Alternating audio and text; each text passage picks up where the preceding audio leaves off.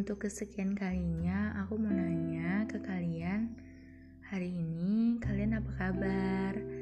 Semoga dalam keadaan yang sehat-sehat terus dan kalian bisa ngejaga kesehatan kalian di masa pandemi ini ya. Kalau misalnya ngerasa tubuh kalian udah mulai nggak enak, istirahat yang cukup, minum yang cukup. Dan jangan lupa minum vitamin plus suplemen-suplemen lainnya. Dan juga ngejaga makan ya kayak ngindarin goreng-gorengan lebih sering makan sayur-sayuran atau buah-buahan serta jangan overthinking dulu. Overthinkingnya jangan diterusin ya apalagi kalau mau tidur. Nanti waktu tidur kalian jadi berkurang dan kalian bakalan stres. Oke. okay mungkin ada beberapa dari teman-teman semuanya yang lagi ngedengerin podcast ini sambil tidur-tiduran atau lagi buka puasa bareng temen, bareng pacar mungkin atau lagi di jalan nih karena kejebak macet atau lagi sedih-sedih karena kebijakan pemerintah yang gak ngebolehin kita buat mudik lebih dulu oke okay. nggak apa-apa di semua kondisi kalian ini yang ngedengerin podcast aku aku mau bilang makasih karena kalian udah support podcast aku supaya aku terus ngasih cerita-cerita yang mungkin bisa menginspirasi kalian. Oke, okay, hari ini aku sebenarnya pengen bahas tentang teman-teman yang mungkin belum bisa pulang kampung karena ada kebijakan pemerintah untuk membatasi dan menyekat jalan-jalan menuju kampung kalian. Sebenarnya aku tahu banget gimana perasaan kalian pas mungkin harusnya kalian udah pulang, udah sampai di kampung dan lagi nunggu waktu lebaran bareng keluarga. Tapi karena ada beberapa kegiatan atau beberapa pekerjaan yang mungkin belum bisa kalian tinggalin dulu, jadi terpaksa kalian buat nunda pulang kampung dan ternyata jalan-jalan menuju kampung kalian udah ditutup. Aku sempat ngerasain itu, aku sempat dilema kayak masa sih aku nggak pulang pas lebaran? Aku udah lama banget lo nggak pulang. Gimana ya perasaan mama aku kalau misalnya aku nggak pulang? Aku sempat mikirin itu, tapi aku mikirin lagi di sini aku tuh ketemu orang-orang aku pergi ke tempat-tempat ramai yang belum tentu aku juga nggak ngebawa virus di dalam diri aku gitu kan. Aku juga nggak tahu mereka ini memang lagi sehat-sehat aja atau enggak kalau misalnya aku lagi pergi-pergi ke tempat ramai dan harus berinteraksi bareng mereka gitu. Anggaplah aku adalah orang yang sehat dan aku ngerasa nggak ada sakit tapi ternyata di dalam diri aku ada virus. Aku pulang kampung aku bawa ke rumah ketemu sama ibu yang sebenarnya interaksi di rumah nggak bisa dibatasin. Bahkan kami sering tidur bareng gitu. Karena kondisi ibu yang emang udah lansia yang emang udah ada penyakit penyertanya aku sebenarnya takut.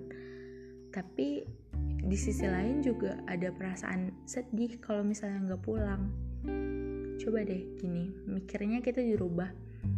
Kalau misalnya kalian pulang dan kalian ngebawa virus buat orang-orang di rumah kalian dan ternyata kalian harus dinyatain positif gitu. Positif covid-19 ini gimana sama keluarga kalian? Emangnya kalian pengen keluarga kalian dikurung dalam rumah selama 14 hari? Harus ngerasain sakitnya PCR tuh kayak gimana gitu? Itu sih yang aku pikirin ambil aja sisi positifnya. Dari semua hal yang terjadi itu ambil sisi positifnya. Jangan mikirin hal-hal yang negatif mulu. Negatifnya iya kita nggak bisa ketemu sama keluarga. Negatifnya kita sedih sendirian di kos kayak mau ke mana mau halal bihalal ke mana. Ini for the first time aku lebaran gak bareng keluarga. Aku tahu aku tahu banget perasaan kalian kayak gimana tapi dibalik hal itu coba ambil hikmahnya. Coba kalian berandai-andai aja kalau misalnya kalian itu adalah orang yang bisa ngebawa virus untuk keluarga kalian dan setelah kalian pulang ternyata kalian ngebantu keluarga kalian tuh atau ngebuat keluarga kalian tuh harus dikurung selama 14 hari nggak bisa ngapa-ngapain nggak bisa ketemu orang luar. Terus yang lebih parahnya stigma di masyarakat.